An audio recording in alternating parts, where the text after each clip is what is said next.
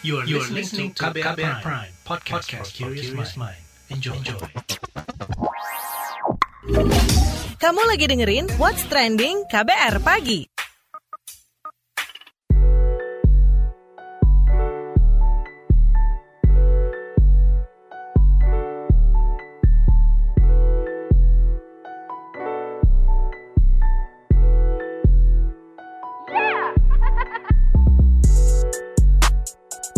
KBR Pagi, siaran pagi radio paling update. Selamat pagi.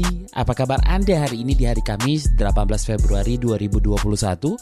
Kembali lagi pagi hari Anda ditemani dengan What's Trending KBR Pagi tentunya. Bersama saya Don Brady yang selalu ngobrolin hal-hal yang lagi ramai diperbincangkan. Jadi awal Februari lalu itu Ombudsman melakukan penelitian terkait limbah medis yang menumpuk selama pandemi. Hasilnya jika dirata-ratakan sampah medis yang dihasilkan rumah sakit itu mencapai 138 ton per hari atau naik 30% sebelum pandemi terjadi.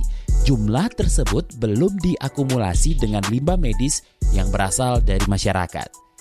Nah, menurut Dirjen Pengelolaan Sampah Limbah dan B3 Kementerian Lingkungan Hidup dan Kehutanan atau KLHK, Rosa Vivin Ratnawati, sampah masker menjadi limbah medis kalau berasal dari rumah sakit, klinik atau rumah tangga yang menjadi tempat isolasi mandiri pasien COVID-19.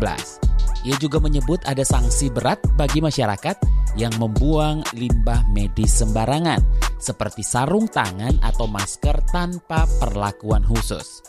Sementara itu, Kepala Badan Nasional Penanggulangan Bencana BNPB Doni Monardo menyinggung soal penemuan Lembaga Ilmu Pengetahuan Indonesia atau LIPI, yakni tumpukan sampah medis yang mencemari Teluk Jakarta belum lama ini. Padahal menurutnya Teluk Jakarta adalah salah satu lokasi budidaya ikan untuk ketahanan pangan di Indonesia. Menyoroti limbah medis dan vaksinasi yang akan kita obrolin pagi ini tapi sebelum lebih lanjut lagi, seperti biasa kita simak dulu opini warganet plus 62 berikut ini. tum, tum, tum, tum, tum, tum.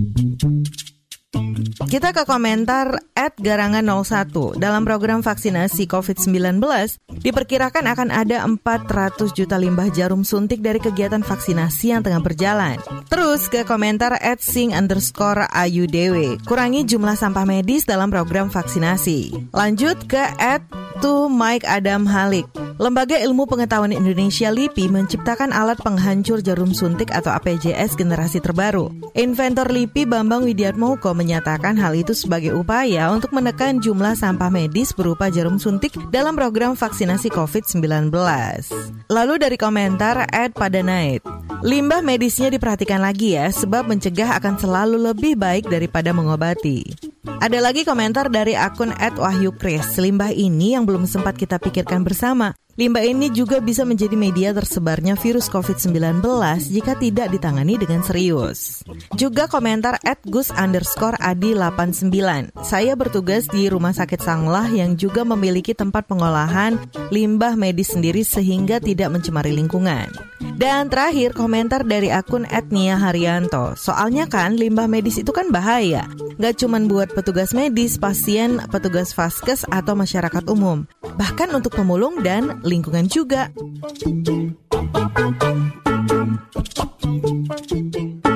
What's Trending KBR Pagi Balik lagi di What's Trending KBR Pagi bersama saya Don Brady yang lagi ngobrolin soal limbah medis dan vaksinasi nih. Jadi bagaimana nih limbah medis berpotensi menjadi ancaman sumber pangan? Kita dengarkan paparan Kepala Badan Nasional Penanggulangan Bencana, Doni Monardo pada webinar nasional peduli limbah medis di hari Senin 15 Februari yang lalu.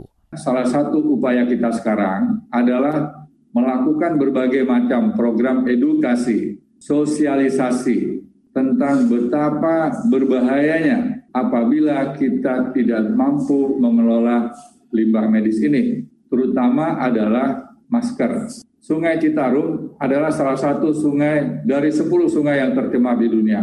Sebagai bangsa harusnya kita malu Kenapa kita membiarkan sampah begitu banyak berada di sungai-sungai? Bukan hanya Citarum sebenarnya. Ada banyak sungai-sungai besar di tanah air kita yang kasusnya itu sudah sangat mengkhawatirkan. Contoh misalnya di Teluk Jakarta, LIPI sudah menemukan begitu banyak limbah medis yang berhamburan di Teluk Jakarta. Padahal Teluk Jakarta ini adalah satu kawasan untuk program budidaya dan juga program untuk ketahanan pangan terutama di bidang perikanan. Apa jadinya kalau Teluk Jakarta yang sudah cukup tercemar ditambah lagi dengan pencemaran limbah medis. Tentu ini tidak kita harapkan. Dampak dari rusak ekosistem yang ada di teluk-teluk bukan hanya mengganggu terumbu karang, tetapi juga akan mengganggu biota laut. Lantas nanti ikan-ikan kecil yang memakan plankton-plankton yang mungkin sudah tercemar limbah tersebut akan dimakan oleh ikan yang lebih besar. Dan ikan yang besar itu nanti pasti kita konsumsi. Jadi mata rantai ini diharapkan bisa segera kita kendalikan sehingga konsumsi makanan kita yang berasal dari laut pun akan tetap sehat sehingga bangsa kita tetap lebih baik kesehatannya sehingga ketahanan nasional di bidang kesehatan pun akan semakin baik. Nah, peneliti fisika LIPI Bambang Widiatmoko memaparkan bahaya limbah medis dan kendala penanganannya selama ini. Seperti apa berikut penjelasannya saat webinar alat penghancur jarum suntik di 9 Februari 2021. Jarum suntik bekas pakai ini bersinggungan langsung dengan pasien. Baik itu saat tes cepat, kemudian di rumah sakit, rawat inap, kemudian nanti divaksinasi dan sebagainya. Sehingga ini perlu kita perhatikan lah. Penanganan selama ini yang saya ketahui, paling tidak ya saya ketahui itu biasanya setelah dipakai itu dikumpulkan dulu dalam suatu wadah sehingga pada saat waktu tertentu yang belum atau langsung tidak tertangani inilah ada proses-proses yang memungkinkan menyebabkan penularan penyakit atau kemungkinan-kemungkinan melukai dan sebagainya itu akan ada gitu ya. Pada saat vaksinasi itu jumlah jarum suntik yang digunakan itu sama dengan jumlah lot vaksinnya gitu. Jadi kalau kita harus menggunakan 360 juta tentunya akan ada 360 juta jarum suntik bekas Ya, ini yang perlu lebih serius lagi. Nah, penanganan yang selama ini itu yang kemarin saya dengar dari pembicaraan sebelumnya itu dibakar, setelah dikumpulkan itu dibakar dengan insinerator. Tentunya kami juga mengembangkan insinerator, tetapi banyak kendala di sini. Yang pertama, di level rendah, di level bawah itu tidak semua puskesmas tentunya atau klinik itu mempunyai insinerator. Jadi sistemnya ditampung tadi, setelah penuh baru diambil. Atau bahkan kalau di kampung-kampung bidan atau dokter kampung-kampung itu biasanya di, dikubur itu dibenamkan di tanah itu itu juga lebih berbahaya lagi gitu. Masalah juga bahwa jarum suntik itu terdapat dua bahan yang berbeda yang sangat kontras. Satunya plastik ampulnya atau tabungnya itu, yang satunya metal dari stainless steel. Jadi proses pembakaran atau instalasinya tidak mudah. Kalau plastik pun plastiknya terbakar, metalnya tidak akan terbakar dan tidak terbakar itu masih runcing tidak mengurangi keruncingannya atau ketajamannya tadi gitu. Itulah yang mungkin perlu kita perhatikan sama-sama gitu. Lebih lanjut peneliti fisika LIPI Bambang Widiatmoko menjelaskan upaya pengembangan cara penanganan limbah jarum suntik. Kembali kita dengarkan penjelasan dari Bambang Widiatmoko. Kami sebenarnya sudah sejak lama mengembangkan ini, bahkan boleh dikata sebelum ada market yang jelas pun kami memikirkan teknologi ini dengan namanya self-heating self heating itu apa ya manaskan diri sendirinya sehingga hancur gitu. Nah, jadi bagian metalnya situ, bagian metal atau stainless steelnya itu kita aliri dengan arus listrik yang cukup kuat dengan tegangan tertentu sehingga secara fisika, secara fisis itu dia akan menjadi heater akan berfungsi serupa dengan heater dan setelah berupa heater ini maka dia akan panas, panas itu akan meleburkan diri sendiri. Kira-kira gampangannya seperti itu yang generasi pertama 2006 ya tentunya kami sebagai peneliti ada inovasi-inovasi bagaimana memperbaiki hal yang lama gitu, atau produk-produk yang lama di samping untuk men-trigger lagi men-trigger lagi di masa pandemi ini kalau ada berita kan tentunya akan men-trigger kesadaran untuk penanganan limbah tadi yaitu kami mengembangkan dengan namanya dengan elektroda laser Nanti saya akan ngobrol dengan manajer kampanye Wahana Lingkungan Hidup Indonesia atau WALHI Dwi Sawung. Jangan ke mana-mana. New speed.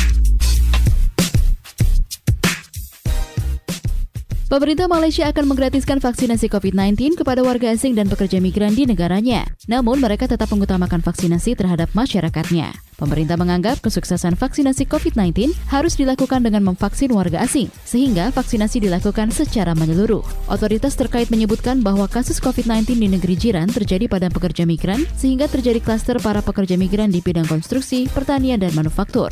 Selain itu, merawat pekerja migran dianggap akan membebankan anggaran negara, sehingga vaksinasi dianggap solusi persoalan ini.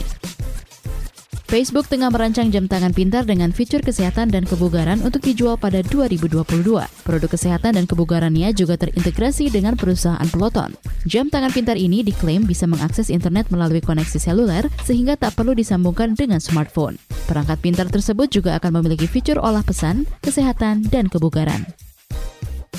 Aktor sekaligus penyanyi Dio EXO akan membintangi film remake asal Taiwan Secret. Setelah keluar dari wajib militernya, anggota boyband Korea Selatan EXO ini dikonfirmasi akan membintangi dua film, yaitu The Moon dan Secret versi Korea.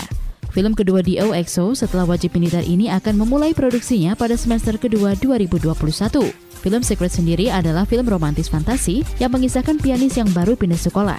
Ia bertemu dengan seorang gadis yang memainkan melodi misterius dalam ruang latihan yang sudah tua. Sedangkan film The Moon menceritakan soal seorang pria yang tersesat di ruang angkasa dan terisolasi setelah mengalami insiden kecelakaan. What's trending KBR pagi? Kita lanjutkan ngobrol soal menyoroti limbah medis dan vaksinasi. Jadi Direktur Penelitian Kinerja Pengelolaan Limbah B3 dan Limbah Non-B3 Kementerian Lingkungan Hidup dan Kehutanan, Sinta Saptarina, mengingatkan bahwa limbah medis yang dihasilkan oleh rumah sakit ataupun masyarakat harus diperlakukan khusus seperti dilakukan pemilahan, dilakukan desinfeksi, kemudian penghancuran. Namun ia mengatakan bahwa memang hanya instansi terbatas yang bisa melakukan penghancuran atau pemusnahan limbah-limbah tersebut. Kata dia, limbah B3 berupa masker, APD, dan kapas mesti disimpan di wadah tertutup dan dituliskan infeksius yang sebelumnya digunting atau dirusak lebih dulu. Lalu limbah itu diangkut dan dibusnahkan ke fasilitas pengelolaan B3. Untuk lebih jelasnya lagi, kita simak penuturan Direktur Penilaian Kinerja Pengelolaan Limbah B3 dan Limbah Non-B3, Kementerian Lingkungan Hidup dan Kehutanan Sinta Saptarina Sumiarno dalam webinar nasional Peduli Limbah Medis pada Senin 15 Februari lalu. Diingatkan di pasal 103 Undang-Undang 32 2009 dan tidak dirubah di Undang-Undang CK, setiap orang yang menghasilkan limbah B3 dan tidak melakukan pengelolaan sebagai yang mana dimaksud dalam pasal 59 dipidana satu tahun sampai tiga tahun dan denda paling sedikit satu miliar sampai dengan paling banyak tiga miliar. Semoga ini tidak sampai terkena kepada kita. Nah, mudah-mudahan mulai saat ini kita semua bisa tertib dalam melakukan pengelolaan limbah B3. Jadi di dalam tahapan pengelolaan limbah B3 berdasarkan pasal eh, Permen 56 2009 15 ada enam tahapan langkah-langkahnya di mana sebetulnya sama hierarki pengelola limbah itu di mana-mana sama baik itu limbah medis maupun sampah Pertama, upaya reduksi sebesar-besarnya, kemudian 3R, reuse, recycle, recovery. Kalau dua-duanya tidak bisa, baru diolah, dimusnahkan. Kalau ketiganya nggak bisa, maka langkah terakhir adalah penimbunan. Nah lantas, bagaimana LSM Pemerhati Lingkungan Walhi menyoroti limbah medis selama pandemi COVID-19? Seperti yang saya katakan tadi, saya akan ngobrol dengan manajer kampanye Wahana Lingkungan Hidup Indonesia atau Walhi Dwi Sawung. Mas Dwi, saat ini sampah medis dan vaksinasi COVID-19 menjadi ancaman lingkungan. Bahkan Kepala BNPB Dodi Modardo itu mengakui adanya penumpukan sampah di Sungai Citarum dan Teluk Jakarta. Bagaimana tanggapan Anda terkait hal ini? Itu jumlahnya banyak banget dan di masyarakat juga banyak ya masyarakat biasa banyak juga karena kan ada yang isolasi mandiri, ada orang yang belum menunjukkan gejala ataupun belum diperiksa dia masih pakai masker ataupun maskernya kena kena ada virusnya gitu ya tapi nggak menulari tapi ada virusnya di maskernya itu yang banyak nggak cuma masker ya sebenarnya APD sih ya face segala gitu nah itu jadi masalah karena itu bisa menulari orang lain yang kayak petugas kebersihan ataupun orang yang nggak sengaja menyentuh ataupun kena si APD tersebut. Selain juga mencemari lingkungan sebenarnya dari ya itu tadi yang ke sungai, ke laut gitu ya ataupun di lahan-lahan kosong itu jadi sumber pencemaran baru. Kalau yang vaksin sebenarnya udah ada ininya sih ya, udah ada prosedurnya sebenarnya dia ada penampungannya sendiri dan sebenarnya itu kan udah ada dalam sistem pemerintah ya yang menyelenggarakan ya dan sudah ada selama ini udah udah tersistem. Justru yang saya saya pernah temui dan lihat itu justru yang di swasta sebenarnya. Si limbah vaksinnya malah beredar ke pengepul ilegal dan bukan sekedar dia jadi mencemari, kalau itu jadi dimanfaatkan untuk membuat vaksin palsu. Oke, apa saja yang masih jadi persoalan penanganan limbah medis dan vaksinasi di Indonesia? Sudah maksimalkah penanganan limbah ini? Nah, ini problem ini sebenarnya problem limbah medis ya. Itu dari sebelum pandemi juga jadi persoalan ya. Kita ada berapa kali gitu ya menemukan biasanya kan rumah sakit ke pihak ketiga ya. Pihak ketiganya itu nggak mengolah dengan benar malah dibuang ke tempat ilegal ataupun malah di ke pengepul untuk dijual kembali. Itu sebelum pandemi ada dan itu belum terselesaikan sebenarnya. Dan jumlah pengelolanya juga kalau kita lihat sebenarnya dibandingkan dengan fasilitas kesehatan yang ada di seluruh wilayah Indonesia itu tidak mencukupi. Dan ketika pandemi itu jadi makin parah sebenarnya gitu ya karena si jumlah limbah medisnya itu jadi bertambah banyak terutama kalau pandemi ini kan si APD-nya ini jadi bertambah banyak ya kalau dulu limbah medisnya APD-nya cuma sedikit sekarang jadi banyak banget gitu. LIPI mengembangkan teknologi alat penghancur jarum suntik atau APJS untuk jarum suntik bekas pakai uh, vaksinasi. Mampu nggak sih alat ini mengantisipasi potensi penumpukan sampah pasca program vaksinasi? Si jarumnya sih sebenarnya udah banyak sih ya cara-cara dia untuk uh, mengolahnya ya si jarumnya ya. Justru yang agak riskan di botol atau vialnya itu vial vaksin itu karena itu bisa disalahgunakan sih yang selama ini pernah terjadi itu disalahgunakan justru kalau vaksin mandiri jadi ber beresiko lagi karena itu kan swasta ya vaksin mandiri ya yang dulu kejadian ada vaksin pemalsuan vaksin itu di swasta bukan di yang program pemerintah. Nah apa saja bahaya dari sampah-sampah medis dan vaksinasi terhadap masyarakat dan lingkungan nih?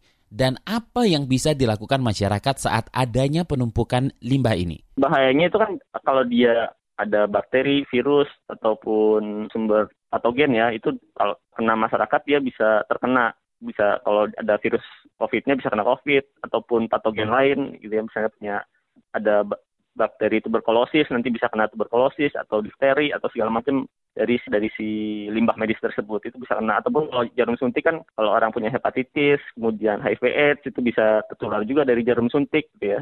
Itu bahayanya ada di situ sebenarnya.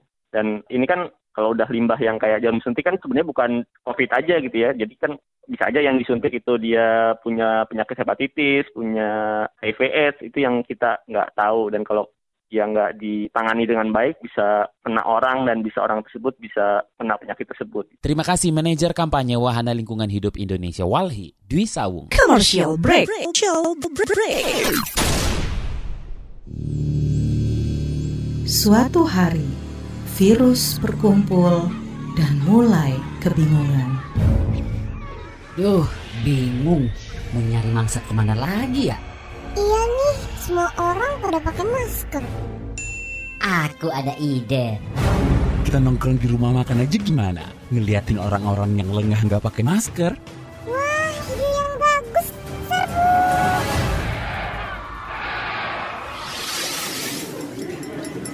Hati-hati makan bersama saat pandemi. Sebaiknya pilih ruang terbuka, tetap jaga jarak kamu 1,5 meter jika duduk bersebelahan, 2 meter jika berhadapan. Batasi waktu makan bersama 30 menit saja dan jangan berbicara saat makan. Jika sudah selesai, gunakan kembali maskermu ya. Jangan sampai lengah, COVID masih ada. COVID masih ada. Pesan layanan masyarakat ini adalah kampanye bersama media lawan COVID-19. What's trending KBR pagi?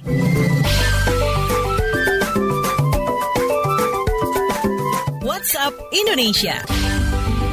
WhatsApp Indonesia dimulai dari Jawa Tengah. Pemerintah Provinsi Jawa Tengah menggelar UKM Virtual Expo yang diikuti 150 pelaku unggulan UMKM Jateng khusus makanan dan minuman. Gubernur Jawa Tengah Ganjar Pranowo mengungkapkan kegiatan tersebut berlangsung mulai dari kemarin 16 Februari hingga besok 18 Februari 2021 dengan tema Wonder Food UKM Kudu Strong Say No to Nglokro. Menurutnya, gelaran expo secara virtual bentuk ikhtiar pemerintah Provinsi Jawa Tengah untuk mendorong UKM Jateng bangkit dan berkembang di tengah pandemi COVID-19. Pihaknya mendorong agar para pelaku UKM di Jateng siap bermigrasi ke pasar digital dan marketnya menjadi lebih banyak. Ia menyebut juga adanya pelatihan yang diharap bisa menjadi bekal para pelaku UMKM. Selanjutnya menuju Donggala, Sulawesi Tengah. Sektor wisata rumah pohon di Donggala keluhkan pengembangan wisata alam di daerahnya. Mengutip kantor berita antara, pengelola wisata rumah pohon di Desa Tafanggeli, Kabupaten Donggala, Sulawesi Tengah, meminta dukungan pemerintah untuk pengembangan objek wisata berbasis alam tersebut. Persoalan sarana dan prasarana di kawasan objek wisata dikatakan masih memerlukan pengembangan. Dukungan pemerintah sangat diperlukan Sebab wisata alam di Donggala dibangun hanya dengan menggunakan dana swadaya masyarakat. Konsep yang digunakan pada rumah-rumah pohon tersebut adalah konsep kearifan lokal yang menggunakan materi dari alam. Rumah-rumah pohon tersebut juga menggambarkan kehidupan masyarakat Tapanggeli pada 50 tahun lalu, di mana rumah pohon ini juga dijadikan media edukasi pendidikan budaya setempat. Pengembangan wisata alam dari pemerintah ini diperlukan untuk membenahi persoalan pariwisata sehingga mampu menarik wisatawan dan membangkitkan ekonomi di wilayah tersebut. Terakhir mampir Nusa Tenggara Timur, Badan Otoritas Pariwisata Labuhan Bajo Flores tengah mengembangkan potensi wisata Istana Ular di Desa Galang Kecamatan Welak, Kabupaten Manggarai Barat, Nusa Tenggara Timur. Melansir dari Antara News, Goa Istana Ular telah ditinjau untuk menggali potensi wisata yang ada. Goa tersebut membutuhkan pengembangan aksesibilitas seperti rest area ataupun tempat makan dan jalur trekking sampai ke dalam goa. Badan Otoritas Pariwisata Labuhan Bajo Flores menganggap pentingnya aspek keamanan dan keselamatan dalam pengembangan wisata tersebut sehingga dapat menarik para wisatawan. Di dalam gua tersebut juga terdapat beragam spesies reptil melata dan aliran sungai yang menjadi salah satu daya tarik wisata. Demikian WhatsApp Indonesia hari ini. Demikian kabar pagi hari ini. Jika Anda tertinggal siaran ini, Anda kembali bisa menyimak selengkapnya di podcast What's Trending yang ada di kbrprime.id, di Spotify, dan di aplikasi mendengarkan podcast lainnya. Dan Brady undur diri, besok kita ketemu lagi. Stay safe. Bye-bye. Terima kasih ya sudah dengerin What's Trending KBR Pagi. KBR Prime, cara asik mendengar berita. KBR Prime, podcast for curious mind.